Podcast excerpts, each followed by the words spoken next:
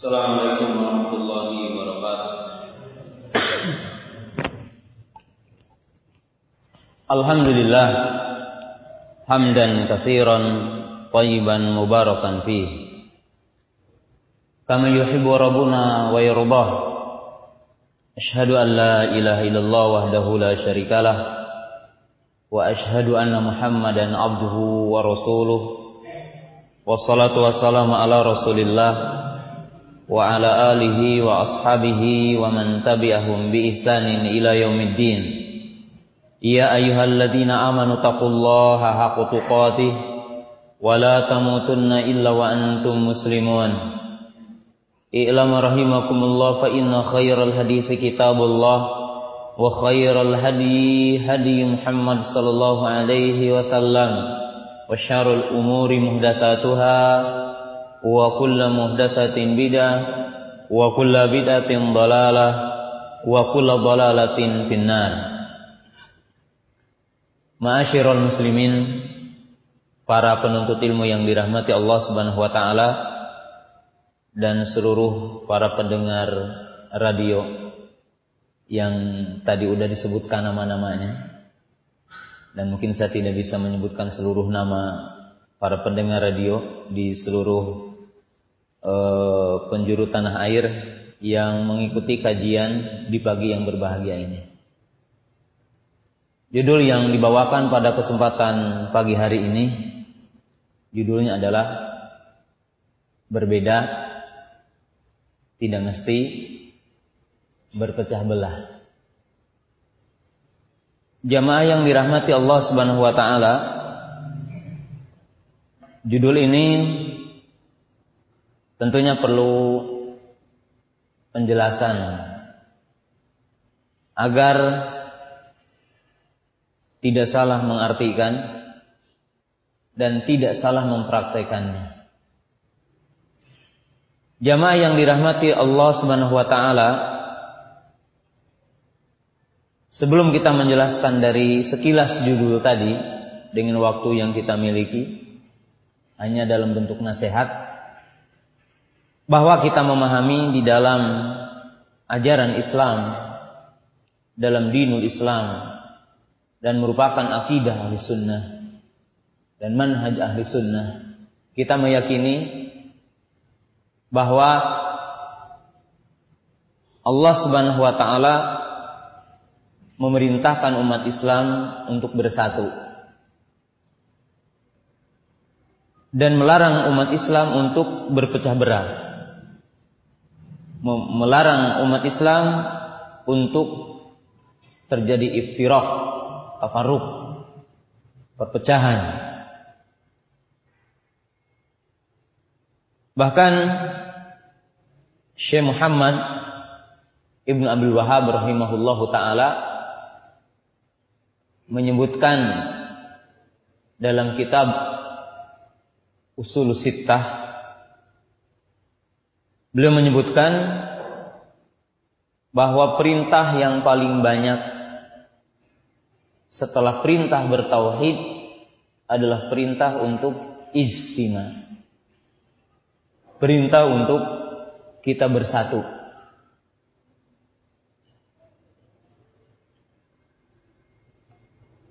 Dan larangan yang terbanyak atau larangan yang paling banyak yang ada dalam Quran dan hadis setelah larangan kepada syirik setelah larangan terhadap syirik adalah larangan untuk tafaruk.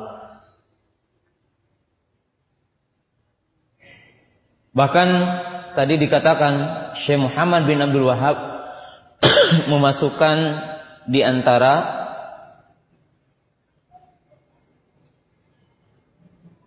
pokok yang enam yang merupakan usul sittah. Jamaah yang dirahmati Allah Subhanahu wa taala salah satu contoh Allah berfirman dalam surah Ali Imran wa'tasimu bihablillahi jami'a wa la tafarraqu. Wa qala Allah ta'ala wa la takunu kalladzina tafarraqu wa ikhtalafu. Dan ayat-ayat yang semakna dengan ayat ini. Seperti wa atiullaha wa rasulahu wa la tanazza'u fatafshalu wa tadhhabu hukum dan nas-nas yang lainnya yang kita tidak asing lagi terhadap ayat-ayat yang menunjukkan bahwa kita harus bersatu dan dilarang kita untuk bercerai-berai. Dan kalau kita melihat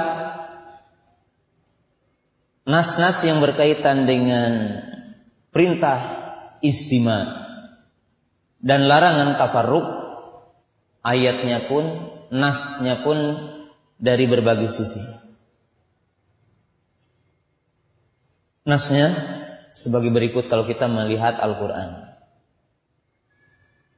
Nas yang pertama berupa perintah dan berupa larangan secara bohir.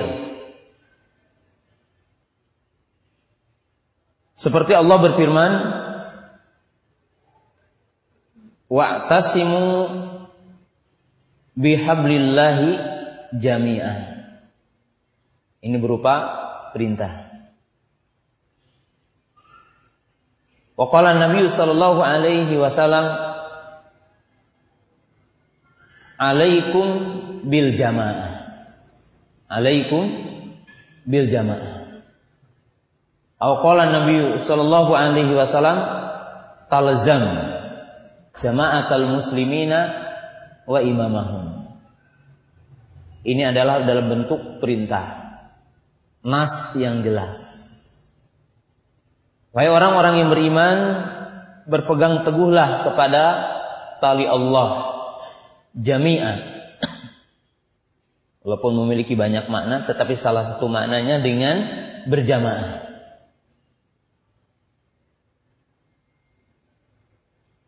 Rasulullah Shallallahu Alaihi Wasallam bersabda, "Alaikum bil jamaah." Hendaklah kalian berpegang teguh kepada jamaah.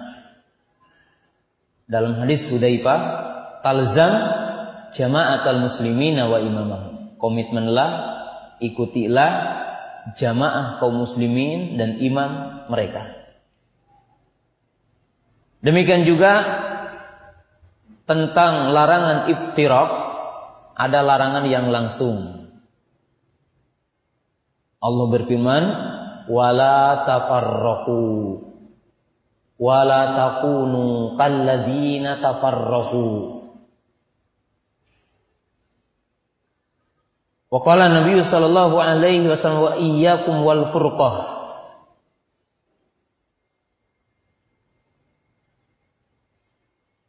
Allah berfirman wala tafarraqu dan janganlah kalian bercerai berai.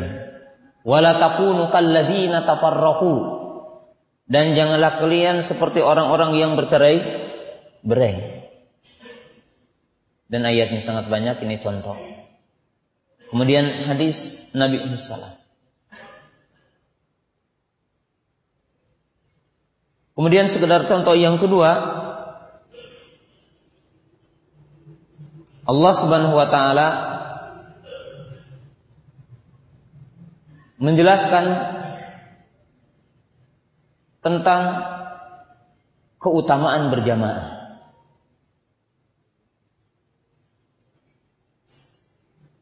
Dan berjamaah adalah senikmat-nikmat ataupun nikmat yang sangat besar. Menyebutkan pahalanya, menyebutkan keutamaannya. Allah berfirman dalam surat Ali Imran masih yang tadi, "Wadhkuru nikmatallahi." Allah Subhanahu wa taala memperingatkan kepada kita kepada nikmat yang sangat agung. Itu salah satunya adalah nikmat istima. Nikmat iktilaf. Nikmat persatuan. Sebagaimana dijelaskan dalam surat Ali Imran yang tadi. Memperingatkan kepada kita tentang nikmat ini.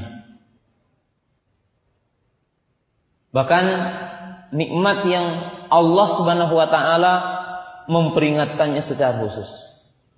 Wadkuru nikmatallahi alaikum. Id kuntum a'da'an fa'allafa baina qulubikum fa asbahtum bi ni'matihi ikhwana.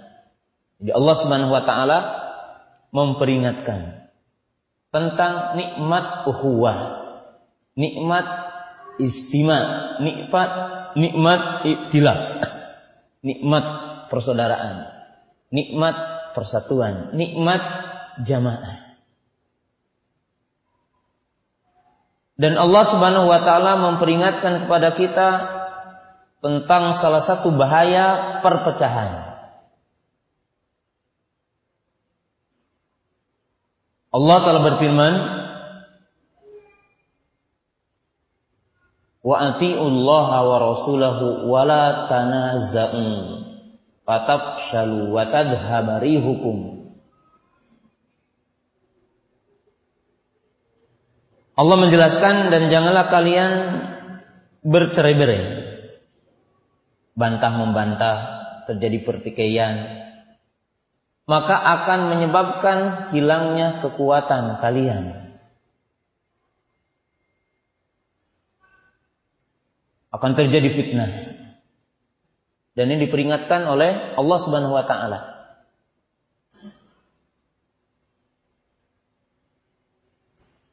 Demikian juga Rasulullah SAW di dalam hadis. Kemudian yang ketiga, Allah Subhanahu wa taala memberikan contoh di dalam ayat Al-Qur'an tentang persatuan dan apa akhir yang didapatkan oleh mereka yang bersatu. Dan Allah Subhanahu wa taala di dalam ayat Al-Qur'an menjelaskan tentang contoh manusia yang ikhtiraq, manusia yang ikhtilaf, berpecah, berpecah belah, lalu ujungnya.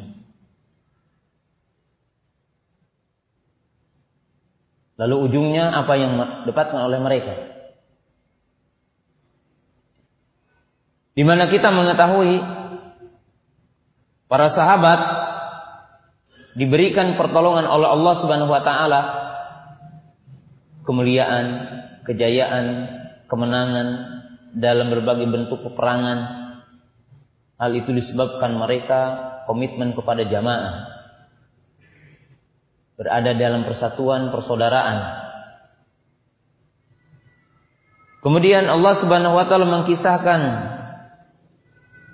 dari orang-orang kafir Yahudi ataupun Nasrani dan orang-orang yang mengikuti mereka. Seperti orang-orang munafik apa akhir yang terjadi di kalangan mereka. Allah Subhanahu wa taala memperlihatkan sehingga ada ungkapan para ulama yang tadi bahwa perintah yang paling banyak setelah perintah tauhid adalah perintah untuk istimewa dan larangan yang terbanyak setelah larangan kepada kesyirikan, larangan terhadap kesyirikan, larangan terhadap syirik adalah larangan untuk berpecah belah. Larangan untuk iftirah. Jamaah yang dirahmati Allah Subhanahu wa taala.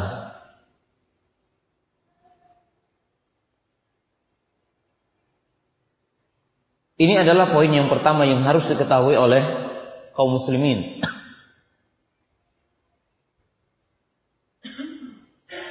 Kemudian setelah kita mengetahui bahwa iftirak istima maka kita akan definisikan dulu istima yang dimaksud. Di dalam Al-Quran dan hadis yang di situ setiap manusia akan mendapatkan pujian, berada di atas pujian. Dan apa yang dimaksud dengan iftirak? Yang di situ pelakunya mendapatkan kehinaan, celaan, bahkan azab dari Allah Subhanahu wa taala. Maka jamaah yang dirahmati Allah Subhanahu wa taala yang dimaksud adalah istima ay al istima'u ala din yakni alal Islam wal istima'u ala sunnah al istima'u alal haq yang dimaksud istima' yang pelakunya akan mendapatkan pujian adalah istima bersatu di atas Islam. Bersatu di atas dinul Islam.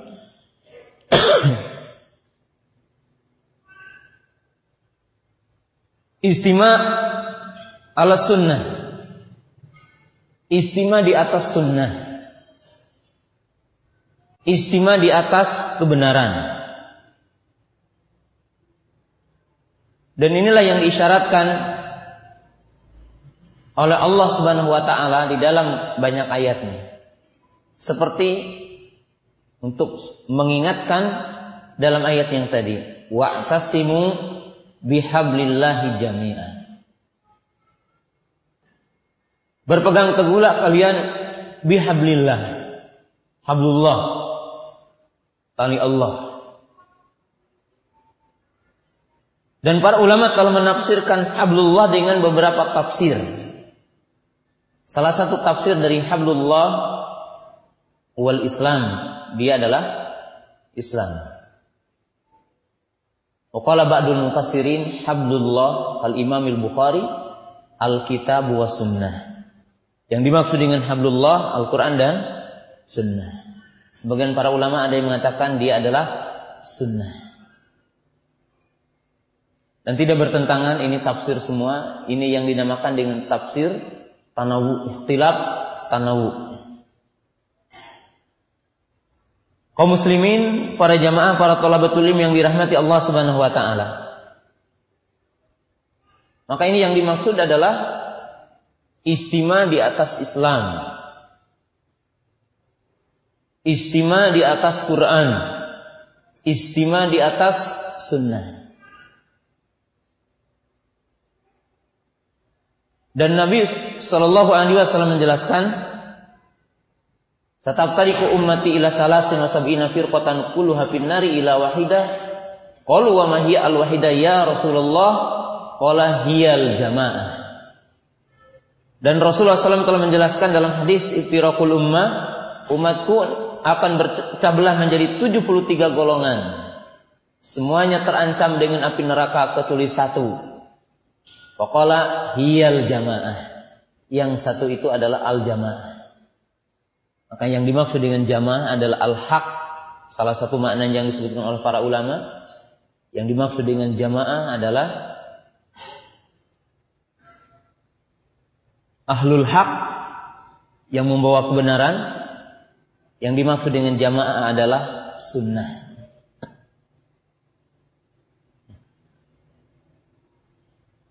Maka inilah yang dimaksud istimewa. Itu bersatu di atas Islam, bersatu di atas sunnah, bersatu di atas kebenaran.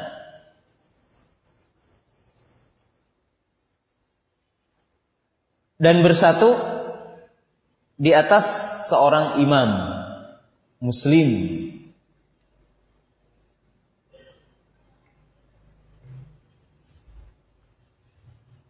Sebab para ulama telah menjelaskan seperti disebutkan dalam hadis Hudzaifah, talzam jama'atal muslimina wa imamahum. Komitmenlah kepada jamaah muslim dan imam mereka. Maka dengan itu Imam Asy-Syatibi, Imam Al-Qurtubi menjelaskan salah satu makna jamaah adalah amirul mukminin atau khalifah. Ini idaz tama al muslimuna ala amirin. Yang dimaksud dengan jamaah apabila kaum muslimin sepakat terhadap seorang amir yang dibaiahnya.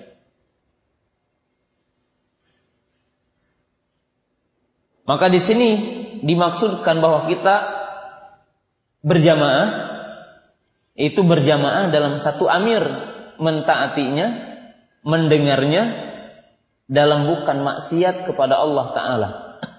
Maka ini adalah istima yang mamduh. Jadi persatuan yang diperintahkan oleh Allah taala.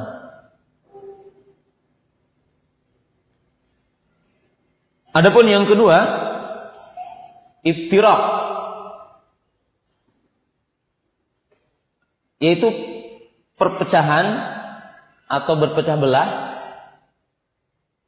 Atau dalam makna ini meninggalkan, memisahkan diri. Maka tentunya memiliki mana kebalikan dari yang tadi. Yakni al-iftiraq anil haq.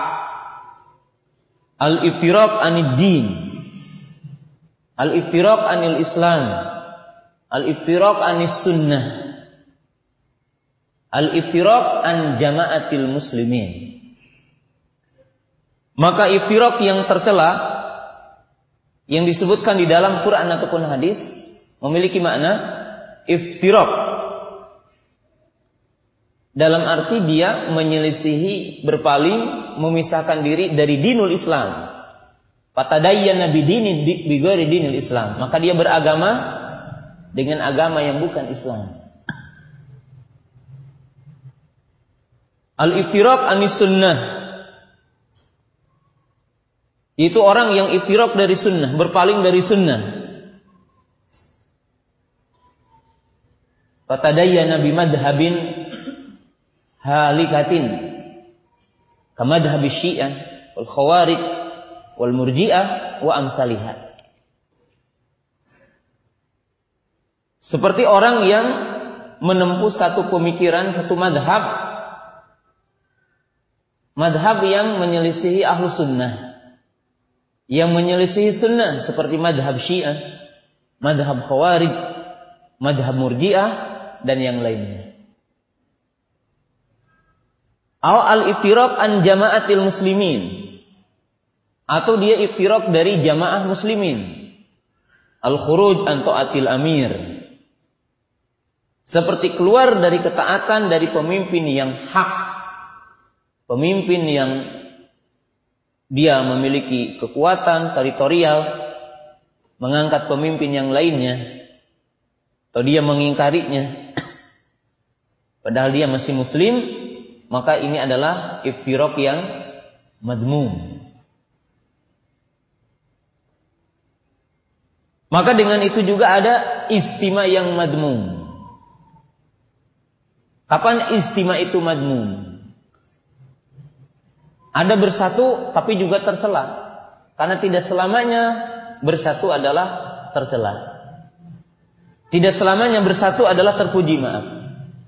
Suatu ketika bersatu adalah tercela. Bagaimana? Al-istima alal batil. Al-istima ala ghairi dinil Islam. Al-istima ala bid'ah. Al-istima alal maksiyah.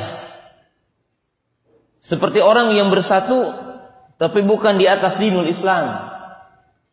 Yang menyatukan dia bukan dinul Islam. Bersatu di atas bid'ah. Bersatu di atas maksiat. Bersatu di atas kebatilan. Maka walaupun mereka bersatu, maka mereka tercela. Sebagaimana orang-orang kafir bersekongkol dalam kekafirannya. Maka demikian juga iftirok ada yang mamduh. Iftirok ada yang mamduh. Berpecah, memisahkan diri, berpaling dari satu perkumpulan, dari satu jamaah, terkadang mamduh. Itu apa? Al-iftiraq anil batil. Al-iftiraq an ghairi dinil Islam. Al-iftiraq anil bid'ah. Al-iftiraq anil maksiyah.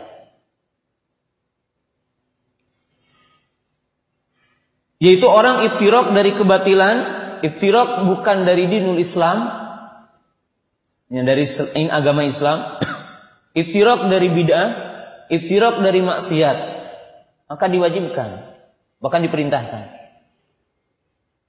Waqad qala Nabi sallallahu alaihi wasallam, lama qala Hudzaifah, "In lam takun jamaah wala iman, famadza ta'muruni ya Rasulullah?" Qala fa'tazil tilkal firaqa kullaha walau anta adha bi asli syajarah wa tamutu wa anta ala dhalik. Karena Nabi SAW mengatakan ketika Hudzaifah bertanya, bagaimana kalau tidak ada jamaah dan tidak ada imam? Yang dinamakan satu ketika akan menjadi kaum guroba. Maka Rasulullah SAW menjawab, tinggalkanlah firqah-firqah itu. Tinggalkanlah sekte-sekte yang menyimpang. Tinggalkanlah hizab-hizab tersebut. Walaupun engkau sendirian, seolah-olah engkau berada di sebuah tempat yang terpencil, memegang akar-akar pohon, dan engkau mati dalam seperti itu. Dan engkau komitmen di atas sunnah, iftirak dari seluruh manusia, dan engkau seperti itu, maka engkau terpuji. Dan Al-Quran mengkisahkan bagaimana Ashabul Kahfi. Ketika mereka meninggalkan keluarganya, meninggalkan masyarakatnya. Maka mereka pergi menyelamatkan agamanya. Oleh sebab itu di dalam hadis tentang guroba, Nabi SAW setidaknya mensifati kaum guroba dengan tiga sifat. Jadi hadis guroba Ketika Nabi SAW mengatakan fatuba lil guroba, pamanil guroba, maka Nabi SAW menyebutkan sifat guroba di antaranya dengan tiga sifat. Sifat yang pertama beliau mengatakan, aumun salihun qalilun fi unasin su'in kathir. Man yaksihim aktsaru mimman yuti'uhum. Yang pertama yang dimaksud dengan kaum guroba adalah orang-orang yang soleh yang jumlahnya sedikit. Di tengah-tengah manusia yang buruk. Buruk akhlaknya, buruk akidahnya, buruk cara ibadahnya dan sebagainya. Dalam hadis yang kedua Nabi SAW mengatakan, Unasun yuslihuna idha fasadan nas. Yang dimaksud dengan kaum ghuraba itu orang yang melakukan pembaharuan. Orang yang melakukan tajdid. Orang yang melakukan islah pembaharuan.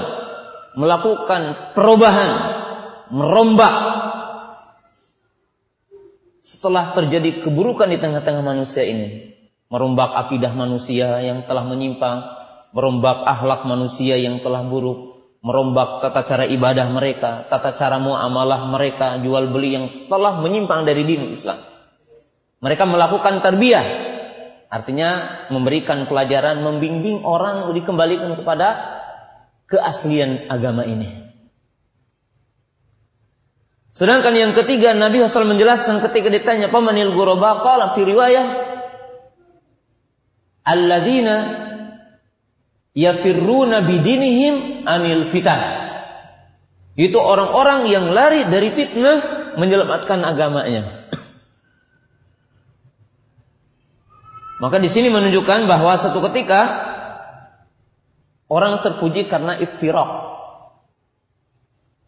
Waqad kila artinya yaqulu ba'du musyrikin li Rasulullah SAW Muhammad faraqan nas. Dan orang-orang musyrikin Quraisy pun telah menuduh Muhammad itu Nabi kita Muhammad SAW. Nabi kita dikatakan sebagai pemecah belah umat. Ayufariku baina ahlil haq wa yufariku baina ahlil batil. Di mana Nabi SAW itu memisahkan antara hak dengan batil, syirik dengan tauhid, sunnah dengan bid'ah, maksiat dengan taat. Nah dengan itu manusia terbagi. Ada yang taat, ada yang maksiat. Jemaah yang dirahmati Allah Subhanahu wa taala.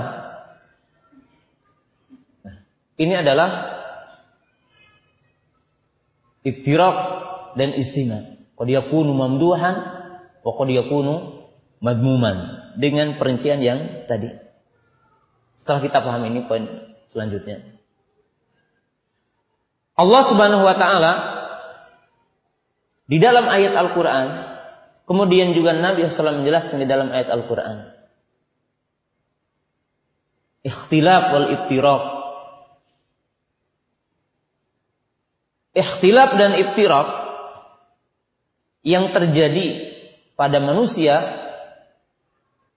amrun aradahullahu taala kaunan. Walakin lam yuridillahu syara'an. Apa yang terjadi iftirok perselisihan di antara manusia, perselisihan di antara Bani Adam, dan pertikaian di antara keduanya, dua kelompok, dan terjadinya ikhtilaf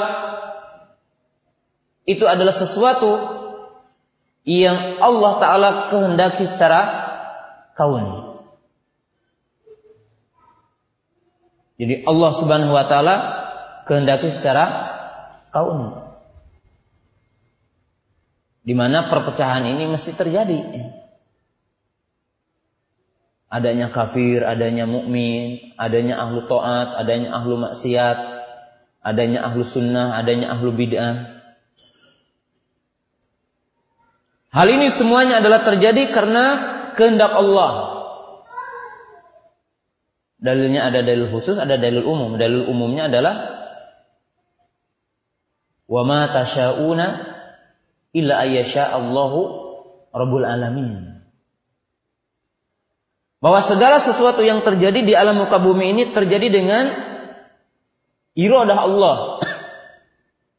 Terjadi dengan masyiah Allah Subhanahu wa taala. Tetapi perpecahan ini, pertikaian ini tentunya Allah tidak mencintainya. Allah tidak mengendakinya secara syar'i. Karena menurut ahli sunnah, iradatullah ta'ala tanqasmu ila kismaini. Iradah syar'iyah, kauniyah, wa iradah syar'iyah. Karena iradah Allah Ta'ala ada dua. Ada iradah kauniyah, yang identik dengan apa? Masyiah. Ada iradah syar'iyah yang berkaitan dengan mahabbah dan ridha Allah Subhanahu wa taala. Maka jamaah yang dirahmati Allah Subhanahu wa taala Allah tidak mencintai perpecahan ini. Allah telah tidak mencintai ikhtilaf. Allah membencinya. Maka oleh sebab itu Allah Subhanahu wa taala mensyariatkan manusia untuk bersatu dan menjelaskan sebab-sebab untuk bersatu. Allah taala melarang kita untuk bercerai-berai. Allah taala melarang kita untuk berpecah belah. Dan Allah Subhanahu wa taala pun dan syariat ini melarang setiap wasilah untuk bercerai-berai. Saya berikan contoh ya untuk pendekatan pada poin ini. Ketika Allah Subhanahu wa taala memerintahkan kita bersatu, maka Allah Subhanahu wa taala mensyariatkan sebab-sebab untuk wasilah bersatu. Seperti apa? Perintah untuk saling mencintai. Perintah untuk mengucapkan salam ketika ketemu. Perintah untuk bermuka ceria ketika bertemu. Perintah untuk saling membantu. Perintah untuk saling tolong menolong. Bahkan perintah yang sangat berat dilakukan oleh setiap muslim al-ithar alal ghair untuk mendahulukan orang lain. Bahkan diperintahkan mencintai yang lain seperti mencintai dirinya sendiri. La yu'minu ahadukum hatta yuhibba akhihi ayuhibbu li. Tidak sempurna iman seseorang. Sehingga seseorang itu mencintai saudaranya seperti mencintai dirinya sendiri. Dan Rasulullah SAW menjelaskan tentang wasilah untuk persaudaraan ini. Wasilah untuk iktilaf. Qala Nabi SAW, ayun nasi khair. Qala Nabi SAW, anfa'uhum linnas. Nabi SAW pernah ditanya manusia yang mana yang paling baik, manusia yang paling bisa memberi manfaat kepada yang lainnya. Bahkan jamaah yang dirahmati Allah Subhanahu wa taala Allah Subhanahu wa taala di dalam ayat Al-Qur'an mengumpamakan iman seperti pohon kurma. Di mana disifati kasyajaratin thayyibah, bagikan pohon yang baik. Mukmin itu thayyib. Thayyibun fi kalamihi. Thayyibun fi harakatihi. Seorang mukmin itu thayyib. Baik. Baik apanya? Baik tutur katanya, baik pergerakannya, baik kebijakannya, baik kata-katanya, baik perbuatannya. Tidak melakukan sebuah aktivitas, baik ucapan ataupun perbuatan, kecuali memberi manfaat kepada yang lain.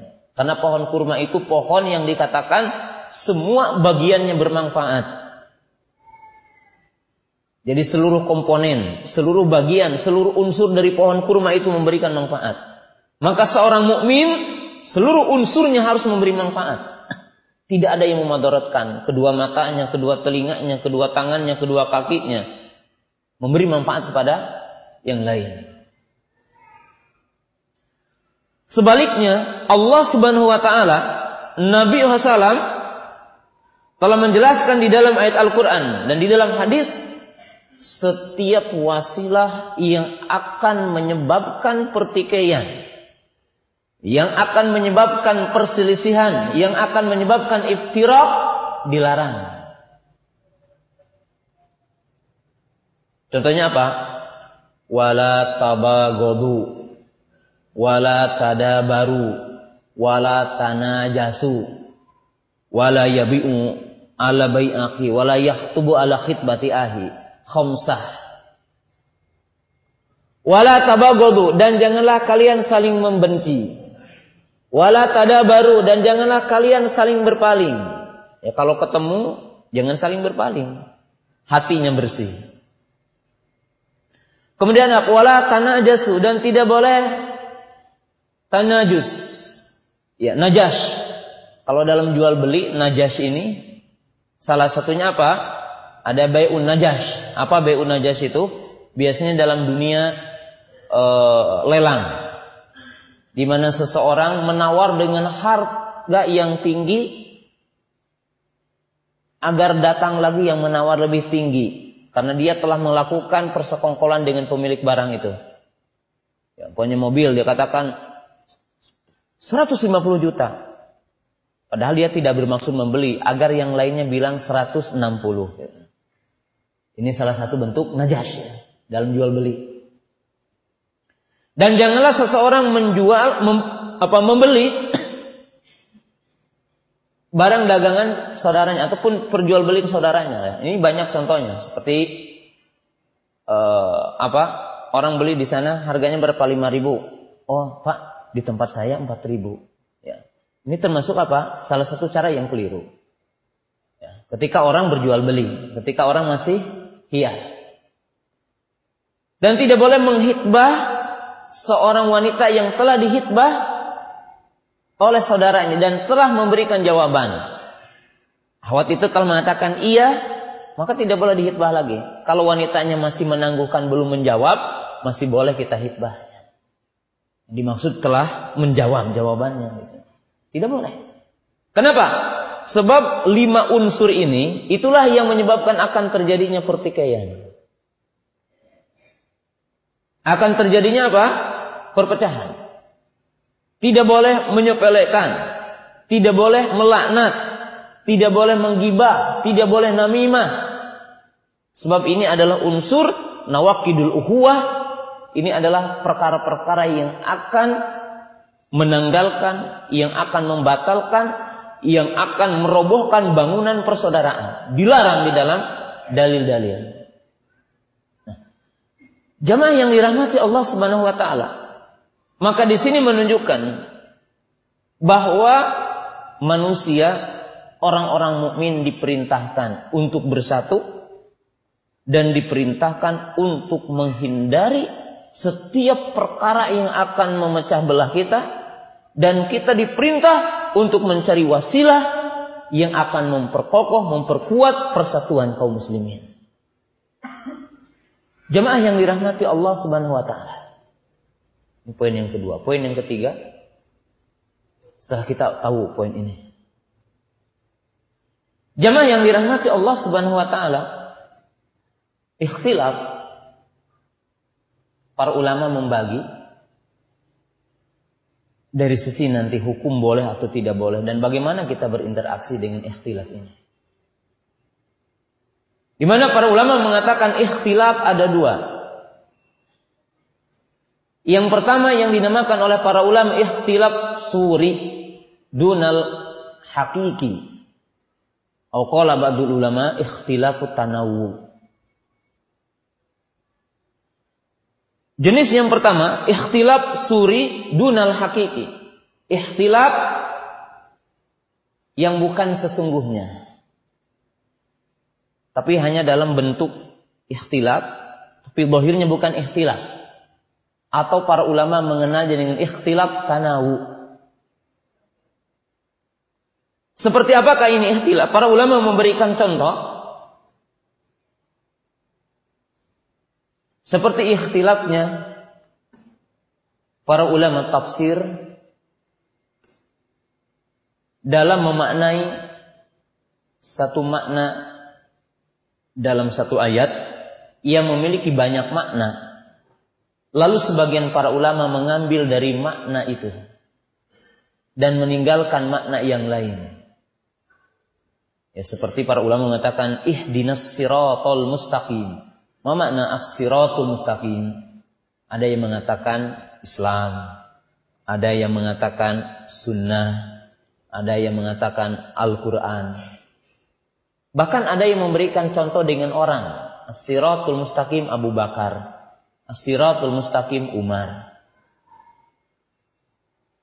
Maka tafsir ini bukan ikhtilaf tabad, bukan ikhtilaf yang ber, tentangan satu dengan yang lainnya.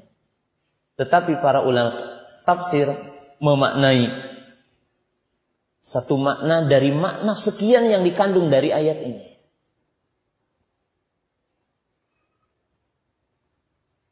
Maka ini yang dinamakan dengan ikhtilaf suri. Artinya memang ada ikhtilaf, tapi hakikatnya tidak ikhtilaf. Dan ini terjadi dalam memahami din ini. Sedangkan yang kedua adalah ikhtilaf tabad. Itu ikhtilaf yang kontradiktif. Ikhtilaf hakiki, ikhtilaf yang nyata. Jadi ikhtilaf yang yang nyata. Dan para ulama membagi secara umum kepada dua. ikhtilaf tabad itu ikhtilaf sa'i wa ikhtilaf ghairu sa'i. Ikhtilaf artinya perbedaan. Perbedaan yang nyata ada dua. Pertama ikhtilaf ghairu sa'i. Ikhtilaf yang tidak boleh yang makna ayat-ayat yang tadi menuju ke sini.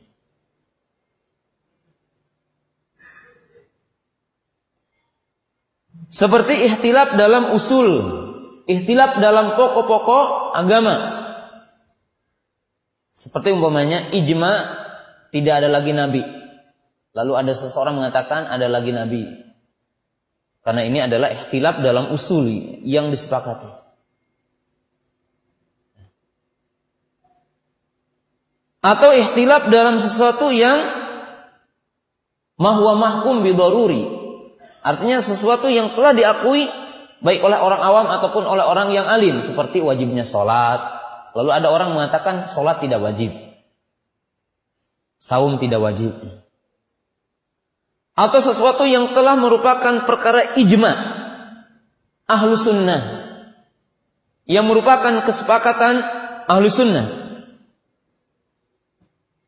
Seperti umpamanya ijma tentang tingginya Allah di atas aras, ijma tentang orang-orang beriman akan melihat Allah nanti yomal kiamah, ijma bahwa Allah memiliki nama dan memiliki sifat.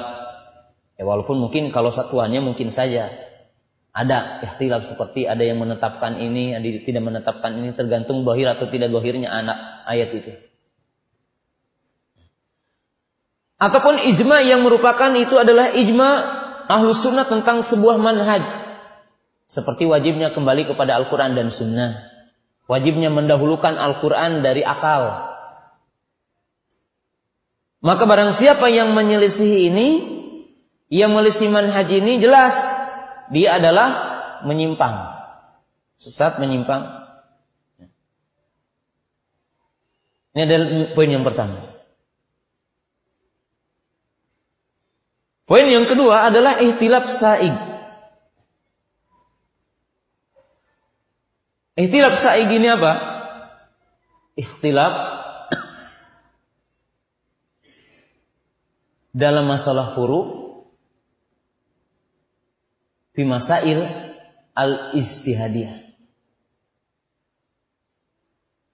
Yaitu perbedaan dalam masalah-masalah yang cabang dalam kaidah istihadiyah di dalam masalah cabang juga kalau itu dohir nasnya ya tidak boleh. Ini dalam masail istihadiyah. Dalam sebagian pendapat para ulama dalam masalah akidah juga ada ikhtilaf. Ya seperti kita sepakat Allah punya nama, punya sifat. Tetapi terkadang para ulama berbeda pendapat apakah ini termasuk sifat Allah atau bukan. Ya mungkin ada hadisnya yang mensohikan, bagian ulama tidak mensohikan hadisnya. Istilah ya, dalam cabangnya. Gitu. Walaupun sepakat bahwa ini adalah uh, Allah punya nama, Allah punya sifat, wajib menetapkan nama Allah, wajib menetapkan sifat Allah. Tapi mungkin kalau satuannya ada perbedaan. Ketika terjadi perbedaan sahih ataupun dhaifnya. Dalam satu nas yang berkaitan dengan hal itu. Nah, jamaah yang dirahmati Allah Subhanahu wa taala, kita mengetahui ikhtilaf sa'id. Ikhtilaf yang boleh, perbedaan yang boleh. Atau dalam bahasa kita perbol apa perbedaan ikhtilaf yang ditoleri. Di mana di antara kedua yang berbeda itu tidak dihukumi sebagai yang sesat atau mubtadi. Ya, seperti dalam masalah-masalah fikih contohnya apakah menyentuh istri batal wudhu atau tidak Apakah memegang dakar batal wudhu atau tidak?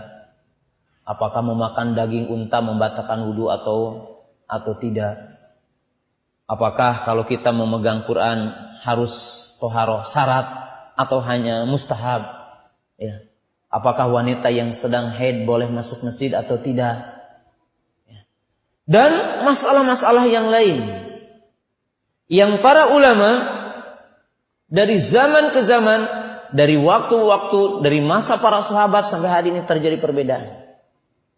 Maka ini dinamakan oleh para ulama adalah ikhtilafus sa'i. Ikhtilaf yang boleh. Dan termasuk di dalamnya mungkin dalam bagian yang pertama yang kita akan singgung dalam kesempatan pagi yang berbahagia ini adalah ikhtilaf fil amalil islami. Ikhtilaf perbedaan dalam profesi keahlian amal kaum muslimin. Dalam bagian mengembangkan dinul Islam ini. Dalam bagian mendakwahkan dinul Islam ini. Sebagian kaum muslimin ada yang profesinya berdakwah. Sebagian kaum muslimin ada yang profesinya mungkin keahliannya membuat lembaga pendidikan. Ya, ada yang amalnya dia keluar berdakwah, ada yang amalnya mungkin dia sibuk di lembaga pendidikan, ada yang amalnya sibuk dalam dunia ekonomi yang syar'i, Kaum muslimin berbeda-beda ya. Bahkan mungkin satu ketika ada orang yang sibuk membuat rumah sakit yang di situ dipisah ini dokternya laki-laki, ini dokternya perempuan. Kemudian diberikan tentang adab-adab bagaimana menjadi seorang dokter. Kaum muslimin akan berbeda-beda. Amal. Yang itu semuanya adalah berkaitan dengan din ini. Berkaitan dengan syariat ini. Mungkin nanti ada lembaga pendidikan yang di situ khusus. Lembaga pendidikan ilmu hadis, lembaga pendidikan ilmu Quran, lembaga pendidikan otomotif. Nanti mungkin seorang salafi tidak mengatakan, oh ini udah menyimpang dari manhaj salaf. Kenapa? Buka sekolah otomotif. Ya terkadang orang yang baru ngaji itu menganggap kalau orang itu bikin sekolah otomotif, oh ini udah menyimpang dari manhaj salaf. Kenapa? Karena mungkin dia menganggap yang namanya sekolah salafi itu harus ya tadi aja. Padahal tidak apa-apa kan kalau kita berpikir dengan kesemuliaan Islam. Dengan dinul Islam itu menyeluruh ahli otomotif tapi dia adalah seorang muslim sunni salafi. Dia sebagai orang ahli bangunan sunni salafi. Jamaah yang dirahmati Allah Subhanahu wa taala. Dengan itulah Asy-Syaikh Al-Imam Asyankiti rahimahullahu taala ketika beliau menyebutkan ayat surah Al-Isra ayat 9 Inna hadal Qur'an yahdil lillati aqwam. Sesungguhnya Al-Qur'an ini menunjukkan kepada jalan yang lurus yang tidak ada kebengkokan di sana. Maka beliau mengatakan salah satu dari faidah ayat ini, beliau mengatakan at-taqaddum la yunafi bidin. Bahwa beliau mengatakan kemajuan artinya kemajuan teknologi, kemajuan zaman dari sisi berkaitan dengan penemuan ilmiah yang didapatkan oleh manusia itu tidak akan bertentangan dengan komitmen kepada din. Dan komitmen kepada din juga tidak akan menafikan orang dengan kemajuan. Dengan kemajuan. Jamaah yang dirahmati Allah Subhanahu wa taala, ini mungkin akan terjadi ikhtilaf, perbedaan. Nah, kaum muslimin para tolabatul ilmi yang dirahmati Allah Subhanahu wa taala. Tapi di sini ada beberapa pesan yang sangat berharga dari para ulama. Ihtilaf tanawu ataupun ihtilaf suri dan ihtilaf saik fi il al-fiqhiyah al-istihadiyah qad yuaddi ila al-iftiraq. Mada? Walimada? wa mata. Perbedaan suri atau dikenal dengan ikhtilaf tanawu atau ikhtilaf yang boleh dalam masalah istihadiyah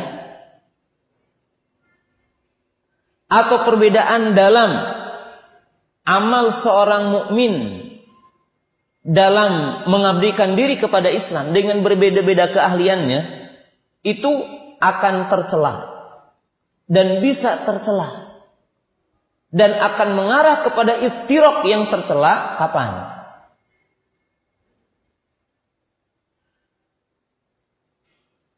Jemaah yang dirahmati Allah Ta'ala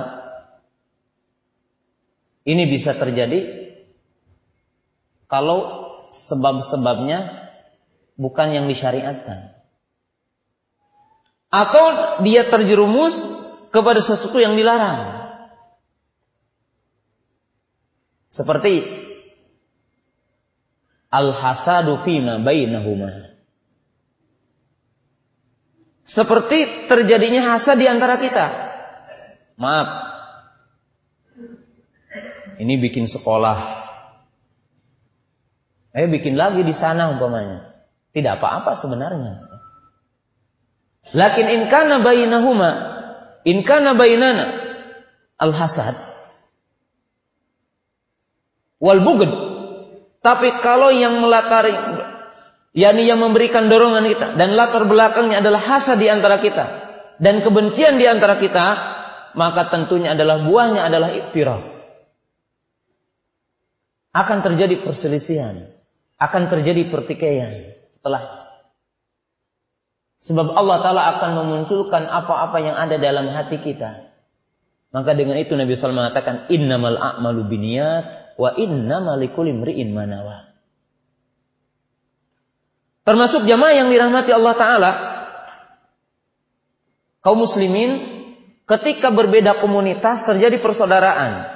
Ahli sunnah ketika jauh komunitasnya, maka terjadi persaudaraan. Tetapi ketika kita berkumpul, kenapa terjadi pertikaian?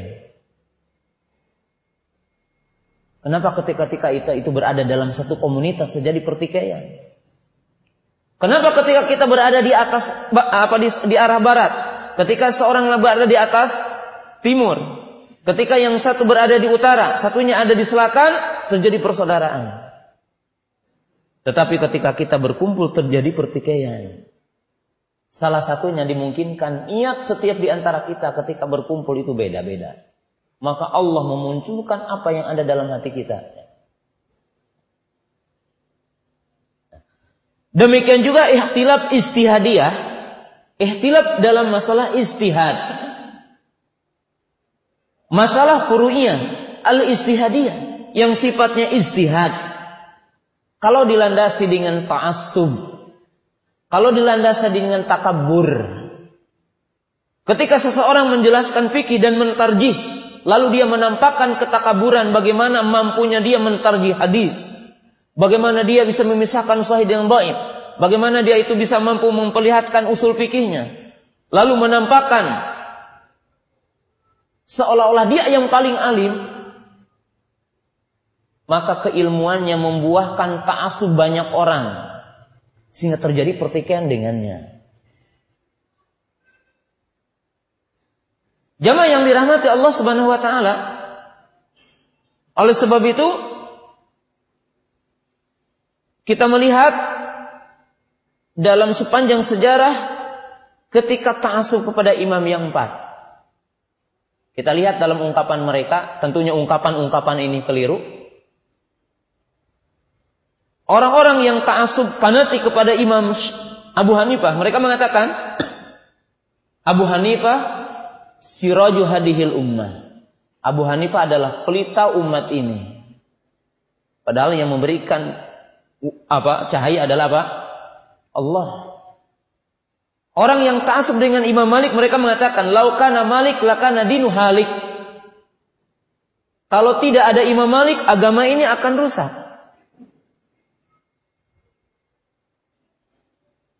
Mereka mengatakan yang ta'asub dengan Imam Syafi'i. Ana syafi'iyun mahayaitu. Wa wasiyati li ummati ayatasyaffa'un. Aku adalah bermadhab Imam Syafi'i selama hidupku.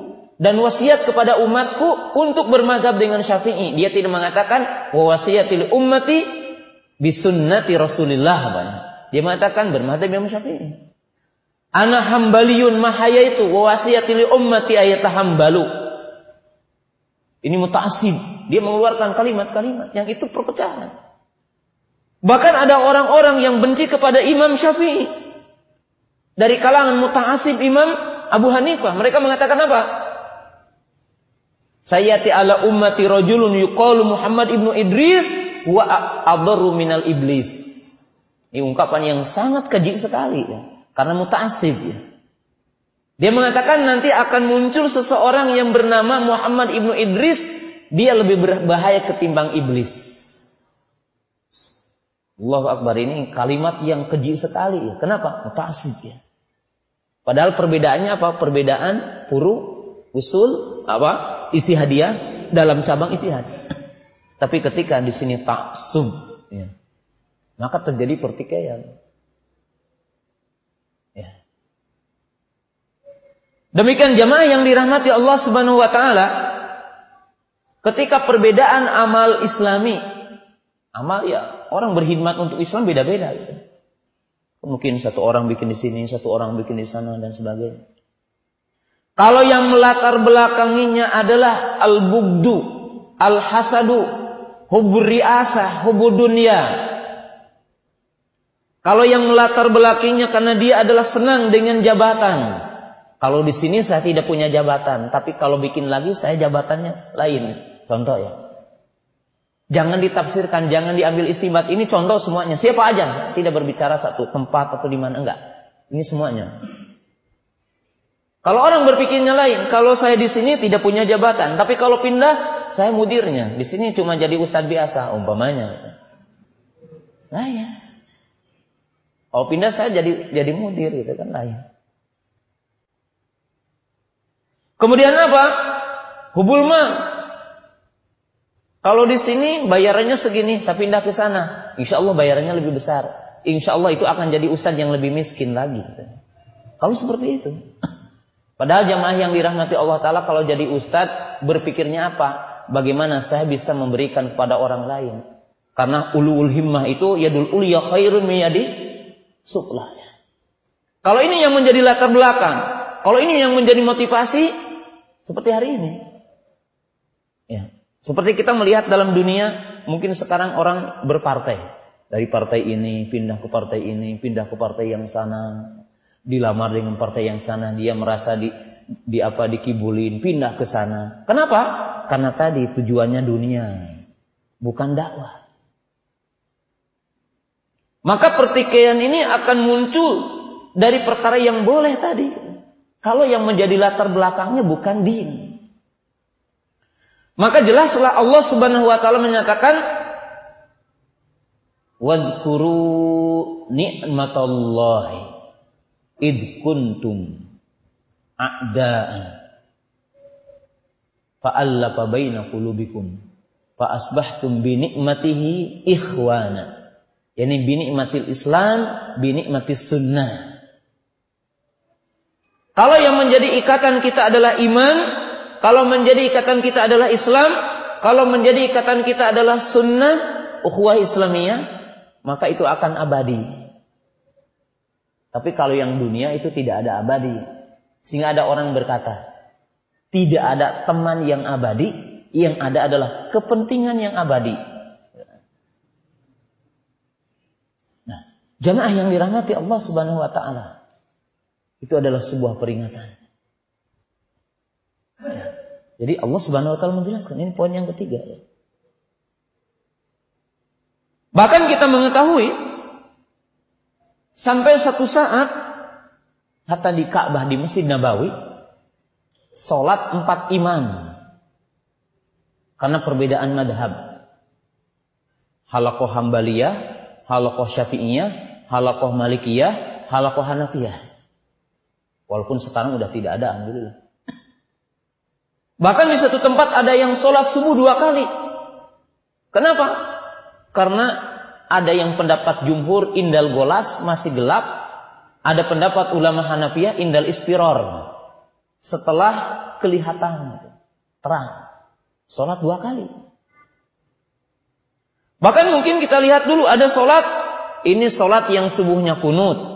Soba apa sholat yang subuhnya tidak tidak kunut, sholat dua kali. Dan itu ikhtilaf saiki, ikhtilaf yang boleh. Tapi ketika ta'asub maka jamaah yang dirahmati Allah taala terjadilah istilah Maka dengan itu jamaah yang dirahmati Allah taala kaum muslimin yang dirahmati Allah Subhanahu wa taala sebab itulah yang harus kita tempuh. Sebab untuk istimewa harus kita tempuh. Kemudian sebab untuk ittirab harus kita jauhi. Baru kita akan tergambar uhuah. Kalimat yang terakhir. Nasihat pada kesempatan pagi hari ini.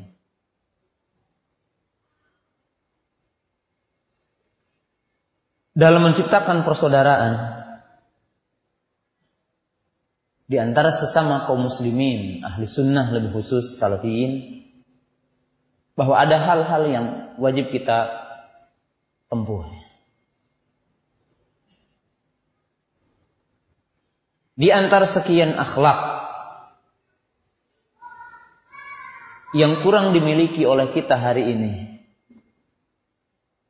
adalah akhlak yang dinamakan rahmah wal hilmu. Kasih sayang dan lemah lembutnya. Al-hilmu ini seseorang seolah-olah yang melakukan satu kebijakan aktivitas tepat. Tidak terlalu cepat, tidak terlambat, tapi cepat tepat. Jamaah yang dirahmati Allah Subhanahu wa taala saya akan berikan contoh dalam perjalanan salafus saleh. Saya akan beri contoh.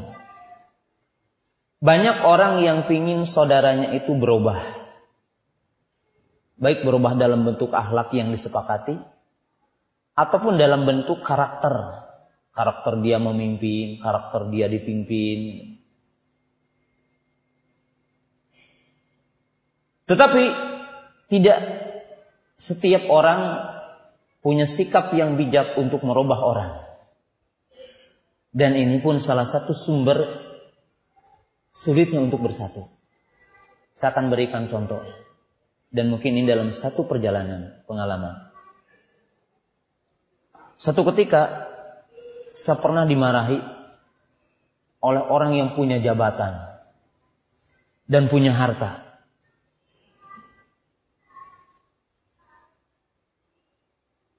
Jabatannya kalau di kita jabatan yang sangat hebat lah. Dia marah.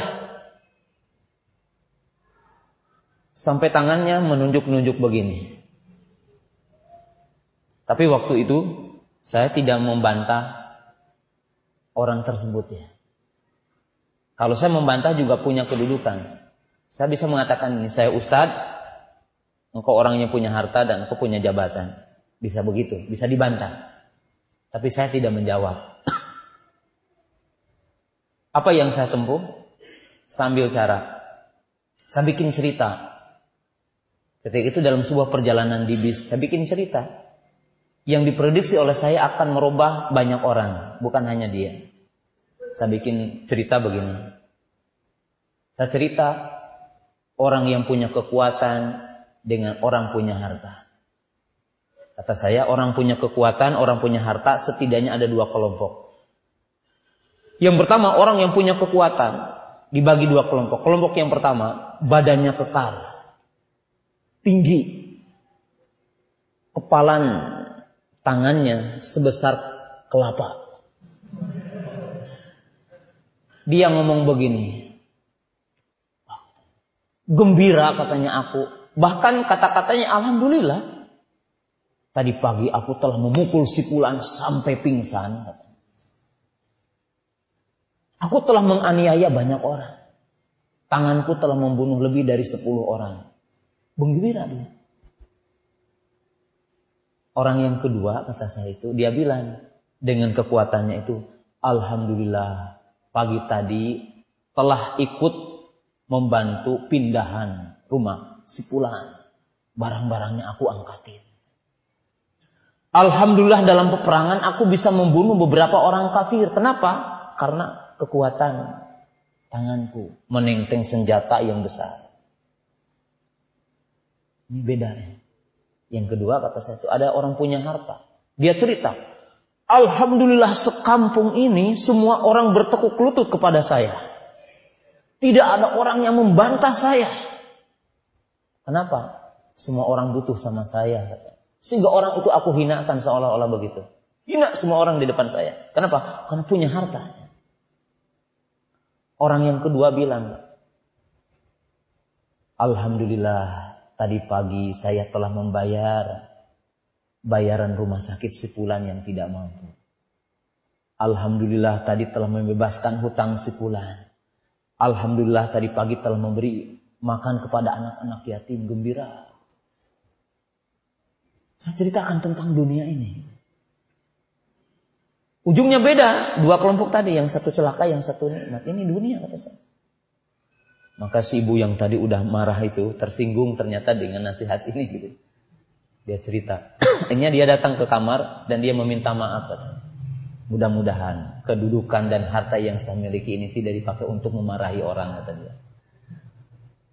Jadi jemaah yang dirahmati Allah Subhanahu wa taala, dunia kita itu harus ada seninya.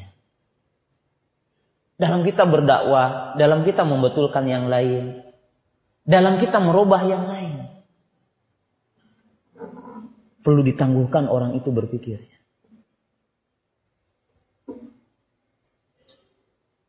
Dan ini tentang dunia. Jemaah yang dirahmati Allah Subhanahu wa taala.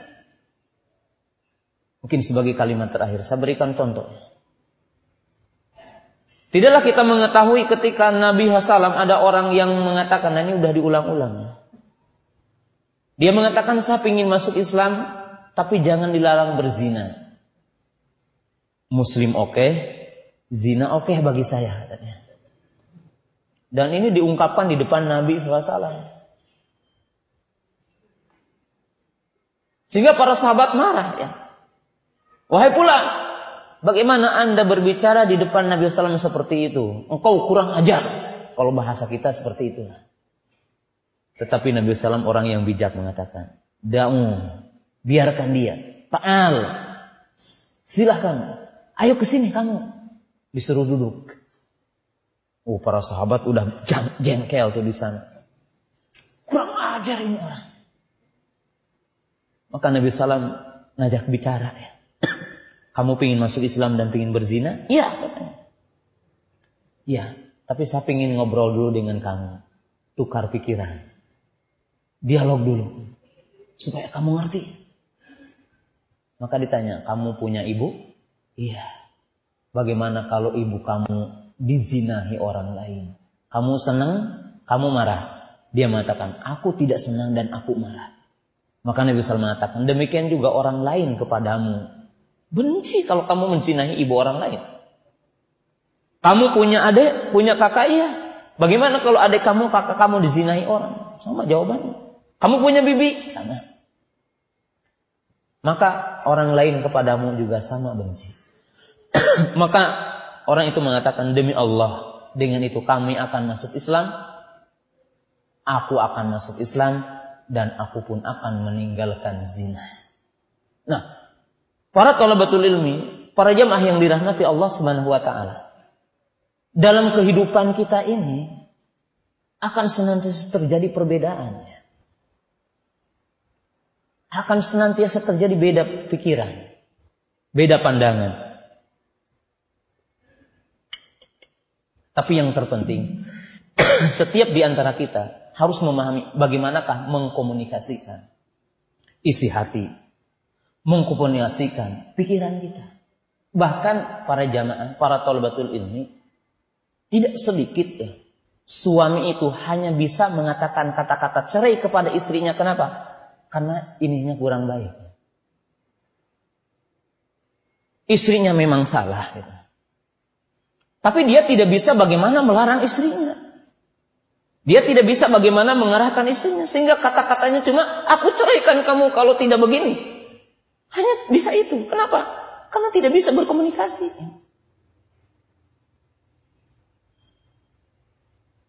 Jadi hidup ini perlu dengan seni ya. Kita berjamaah, berkumpul, itu harus tahu seni Islam. Seni bersaudara. Seni berbeda, kita harus tahu itu. Seninya seperti apa? Di rumah jangankan kita punya lembaga, jangankan kita ber, apa bermasyarakat sampai satu RT gitu. Mungkin seperti di sini atau di yang lainnya. Kok di rumah saja perlu seninya? Perlu seni. Bahkan saya berikan contoh kepada santi-santi saya. Kata saya ada seni kita berjalan membeli barang di pinggir jalan. Coba ya, ada tukang duren di pinggir jalan. Kita naik mobil, perlente seperti begini. Orang akan memahal apa? Menjual mahal. Kok orang ketemu satu kali pasti mahal dia nawarinnya. Bagaimana? Pakai seni kita menawarnya. Jangan tanya berapa Pak duren ini. pasti dia mahal. Tapi kalau pakai seni ngomongnya apa? Maaf Pak, ada duren yang murah. Pasti dia udah tercengang gitu dengan dengan kata-kata kita ini. Setidaknya dia akan berubah. Oh, ini orang yang biasa beli kan gitu. Ini dunia seni ya. Antum juga sama yang lain. Mau membetulkan teman pakai seni gitu. Jangan terpikir itu orang lain salah harus dibetulkan. Udah hanya di situ tanpa seni yang lainnya. Gitu. Jadi seluk beluk ini harus dipahami. Tapi bukan berarti kita tasawul, bukan. Dalam setiap orang salah ini, tapi harus sih tadi. Dan hindari perkara-perkara yang menyebabkan kita tadi terjerumus. Kalau kita sama-sama ikhlas, insya Allah Allah akan mengampulkan kita.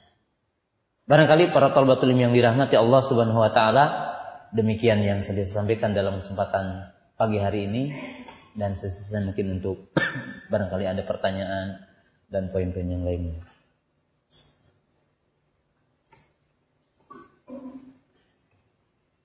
Demikian apa yang dipaparkan materi yang dipaparkan oleh Allah Subhanahu wa taala. Dari yang sangat bagus sekali. Pada para peserta ikhwan akhwat bagi yang ingin menanyakan pertanyaan-pertanyaan bisa ditulis di kertas. Kemudian diserahkan ke depan dan kita akan memutuskan untuk menjawab pertanyaan-pertanyaan yang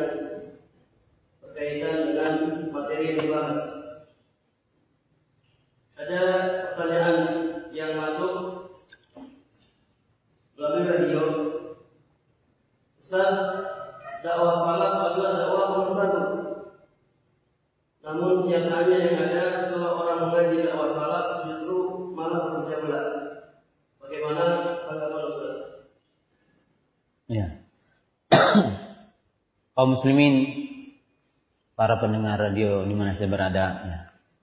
Tadi sudah saya jelaskan bahwa iftirok ataupun ikhtilaf ada sebabnya dari sisi-sisi yang lain. Yang itu akan menimpa kepada siapa saja. Sebagaimana telah dijelaskan oleh para ulama. Jadi dakwah salaf, dakwah ahlu sunnah adalah dakwah yang mengajak kepada persatuan. Dakwah yang menyatukan umat ini. Akan tetapi dari sisi individunya, orang yang berada di atas madhab ini, mereka bisa terjerumus kepada sebuah ikhtilaf ataupun iftirah. Hal itu ya disebabkan sebab-sebab yang tadi. Ima disebabkan orang tersebut tidak menunaikan hak-hak kewajiban-kewajiban yang menjadi wasilah untuk bersatu atau disebabkan seseorang itu melakukan perkara-perkara yang menjadi wasilah untuk pertikaian ataupun perceraian seperti tadi hubud dunia hubur riasah al-hasad. Seperti orang itu cinta dunia cinta kedudukan atau kebencian yang ada di dalam hatinya hasad yang ada dalam hatinya maka dengan sebab ini terjadi pertikaian.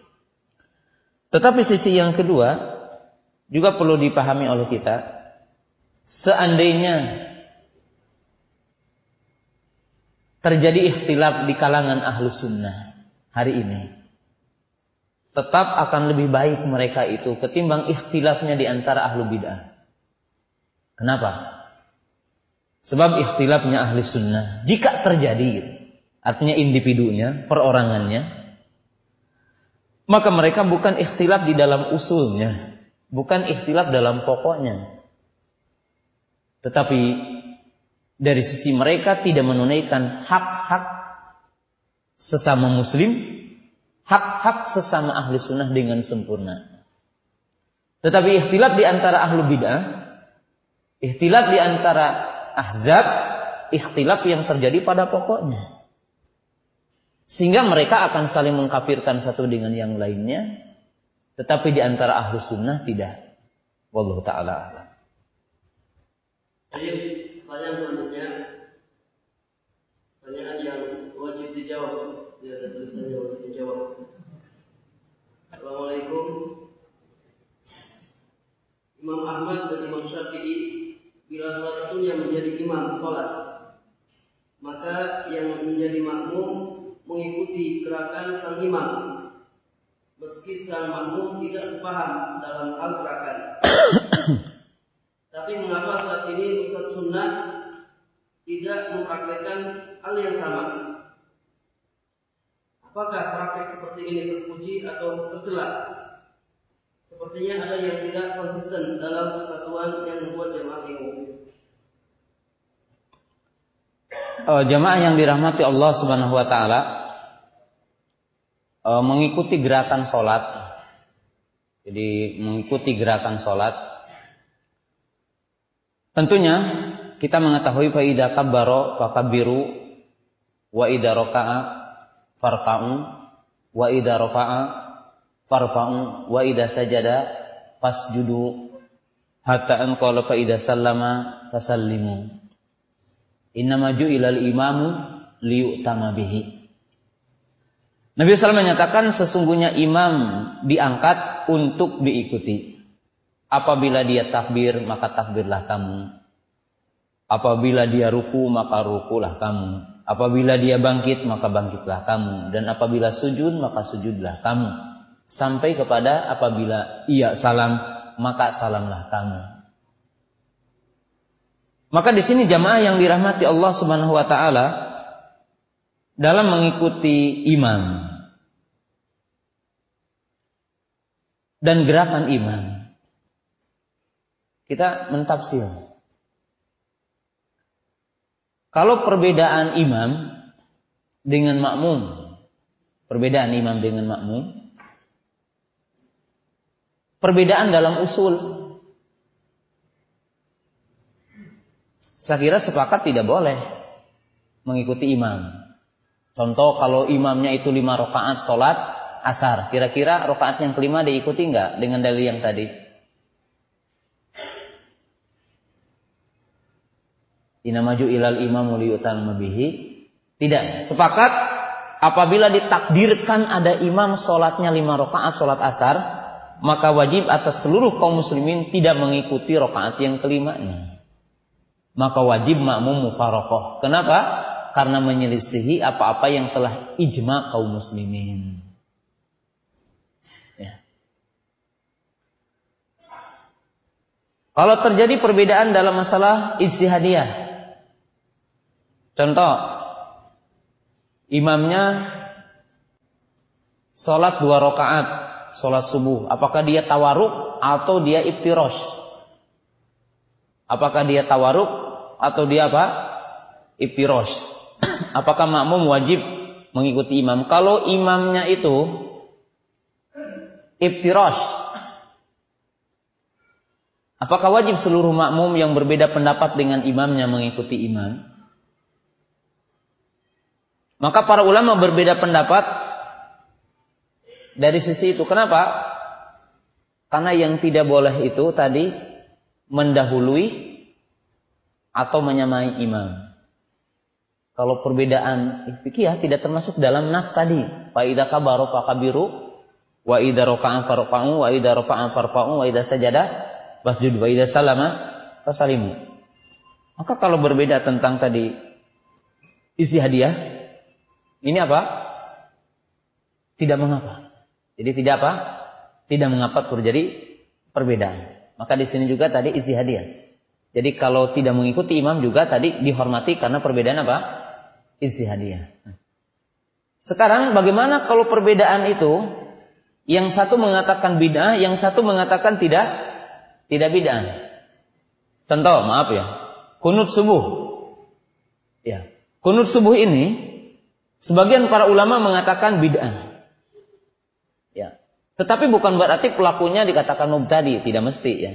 Tapi perbuatannya bid'ah. Kenapa? Karena mereka mengatakan tidak ada dalilnya. Sebagian para ulama mengatakan sunnah ya. Seperti ulama syafi'iyah. Nah jamaah yang dirahmati Allah subhanahu wa ta'ala. Sekarang terjadi perbedaan. Antara makmum dengan imam. Makmumnya mengatakan sunnah. Kunut subuh. Dan Allah ta'ala tidak ada ulama yang mengatakan wajib ya kunut subuh. Setahu saya dalam penelitian ulama ya ahlu sunnah. Kunut subuh adalah apa? mustahab ya. Jadi kalaupun lupa tidak wajib sujud sahwi ya kalau tidak kunut apa? subuh. Hatta dalam ungkapan mereka. Nah, jamaah yang dirahmati Allah Subhanahu wa taala. Nah, maka bagaimana? Apakah orang apabila imamnya kunut dia juga wajib mengangkat tangan dan kunut subuh? Kunut gitu. Atau dia ikut dengan imam tidak mufarokoh tapi tidak mengangkat tangan dan tidak ikut. Nah, jamaah yang dirahmati Allah Subhanahu wa taala di sini terjadi perbedaan dari sisi memahami nas. Kalau orang mengatakan bid'ah, maka tidak mungkin dia akan melakukan bid'ah karena tadi mengikuti imam. Maka dia sholat bersama imam dan tidak mendahulu imam, tetapi dia tidak apa? tidak ikut. Dan tidak menyelisihi apa? Hadis yang tadi, faida rafa'a farfa'u wa idza sajada fasjudu wa idza salama fasalimu. Karena ini tidak termasuk dalam yang tadi. Termasuk dalam yang yang tadi menurut ulama ini. Jadi penanya, penanya yang saya hormati, maka sebagian orang tidak mengikuti imam dalam perkara yang berbeda itu juga ikhtilaf istihadiah. Maka itu pun dihormati.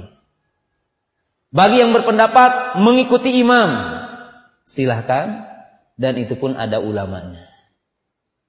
Jadi jamaah yang dirahmati Allah Ta'ala, saya katakan itu semuanya komitmen dengan pendapat tadi.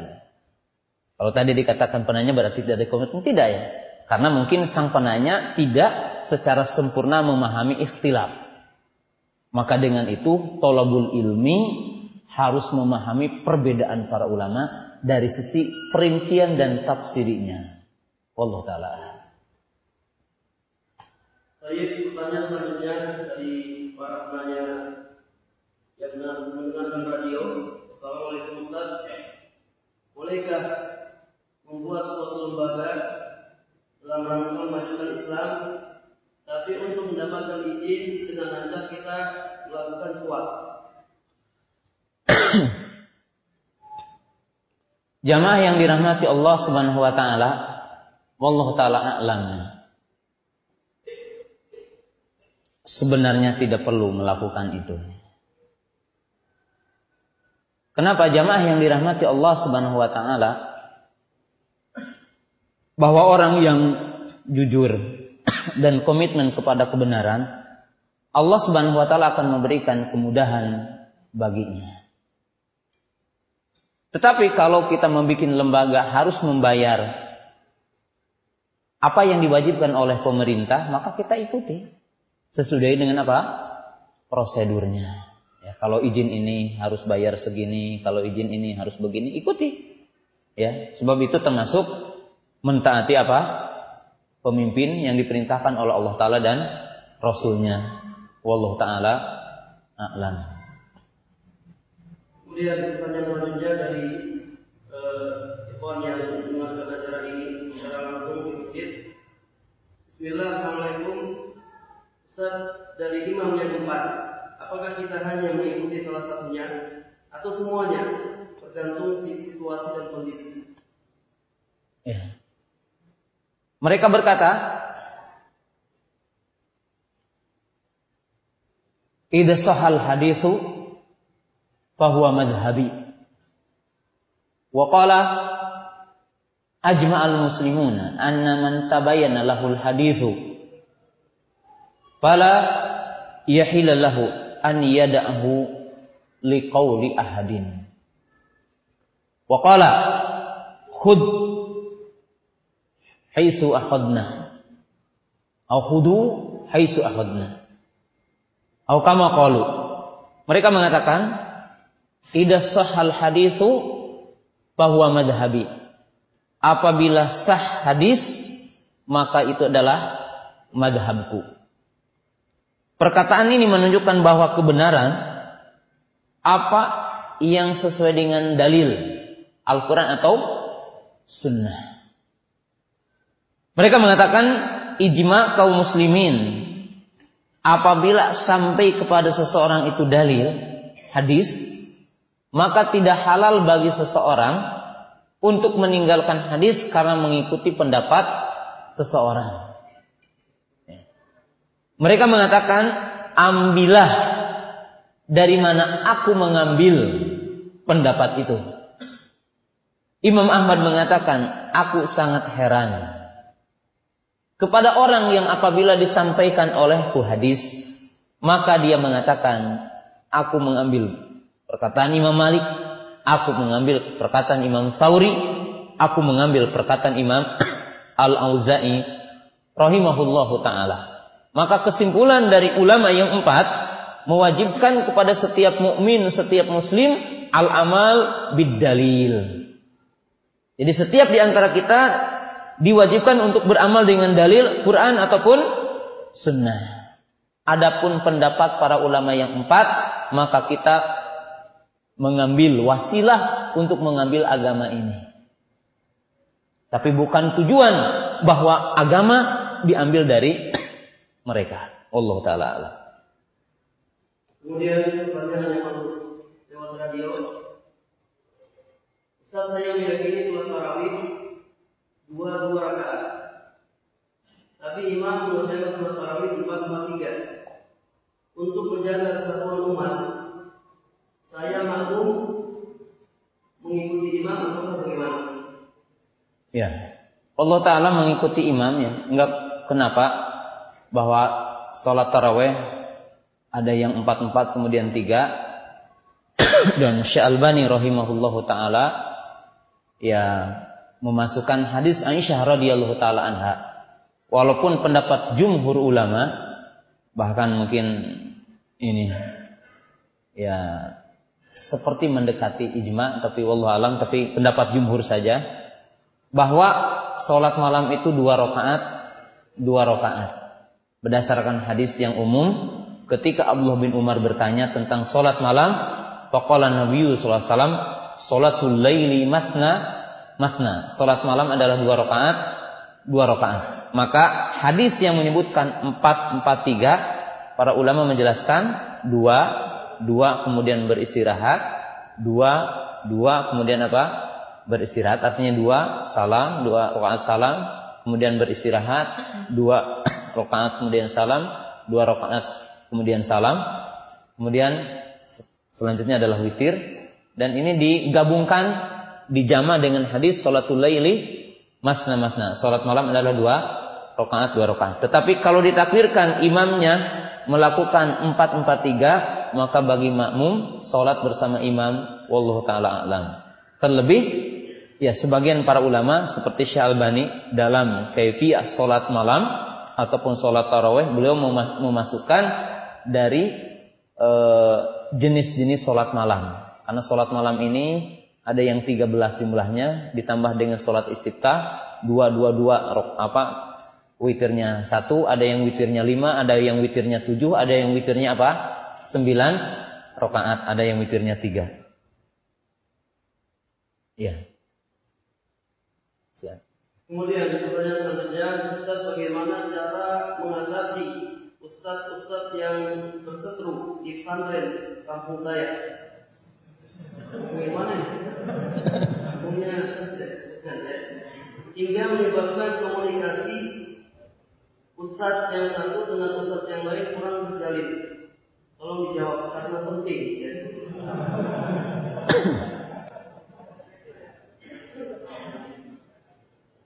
Jamaah yang dirahmati Allah Subhanahu wa taala.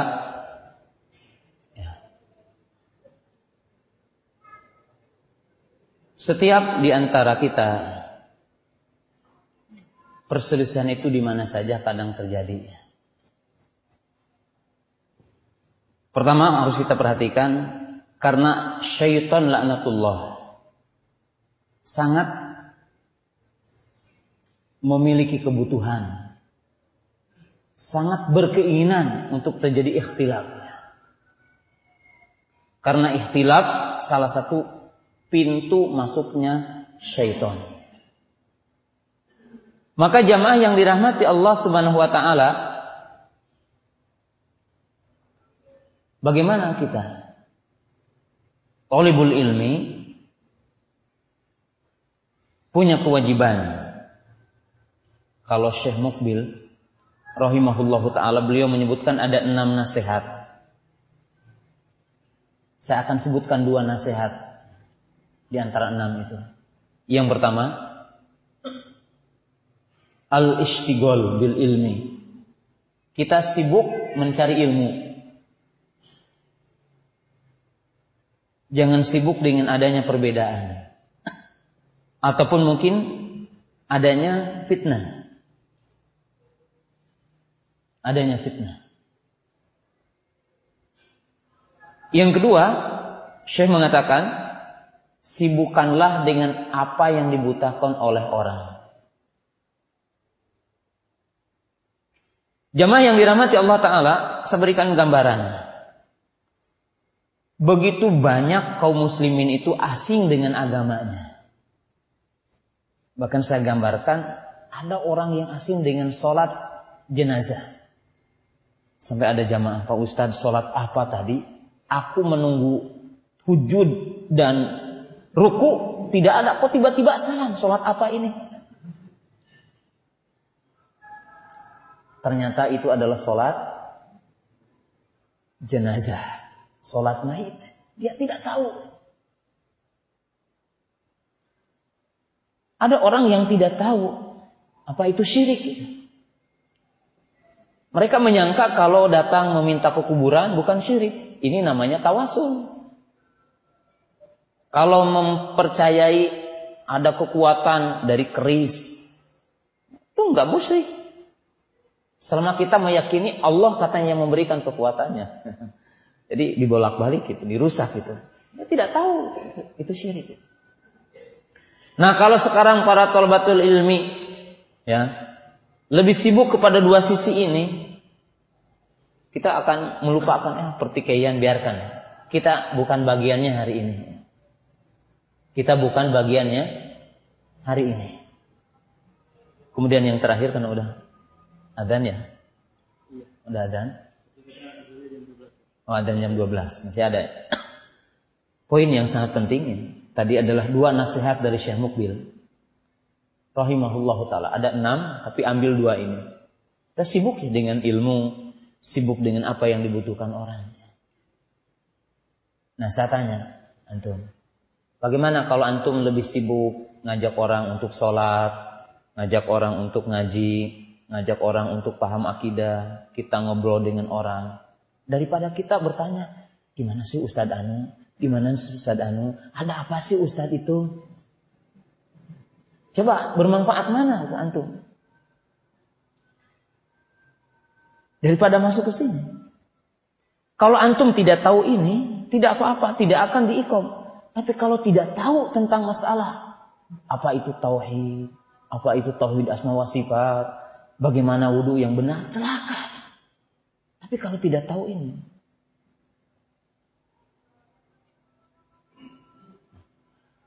Kemudian di antara perkara yang sangat penting kalau terjadi ini apa? Jangan larut dengan berita ya. Kalau hidup itu jangan larut dengan berita ya. Termasuk jamaah yang dirahmati Allah Ta'ala. Pas tanggal 9 apa kamari? 9 April ya di seluruh jagat Indonesia kaum salafiyin direpotkan dengan tanggal 9 ini. Kenapa? Karena setiap di antara antum dengan berita palsu itu mungkin. Atau berita yang dibesar-besarkan oleh sebagian. Uh, kalau tidak begini akan begini. Sehingga melakukan apa yang tidak semestinya. Gitu kan. Kenapa? Sibuk ya. Coba kalau antum tidak tidak ke sini, Jangan telinga ini itu, telinga kita kalau berkaitan dengan fitnah lebar-lebar gitu. Uh, bahkan sampai begini gitu ya. Sampai bertanya. Cara bertanya pun jatuh ya. Bagaimana memancing orang agar terbuka. Tapi giliran tentang ilmu akidah, tentang fikih, tidak bisa kita bertanya. Gitu. Kalau bertanya tentang fitnah pandai sekali supaya terbuka fitnah ini. Coba kita rubah ya kebiasaan kita ini.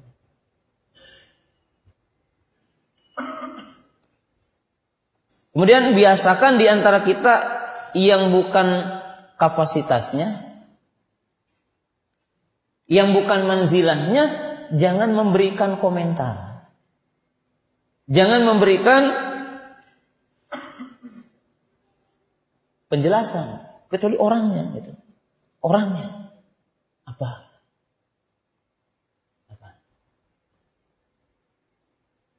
Dan banyak hal ya di antara kita.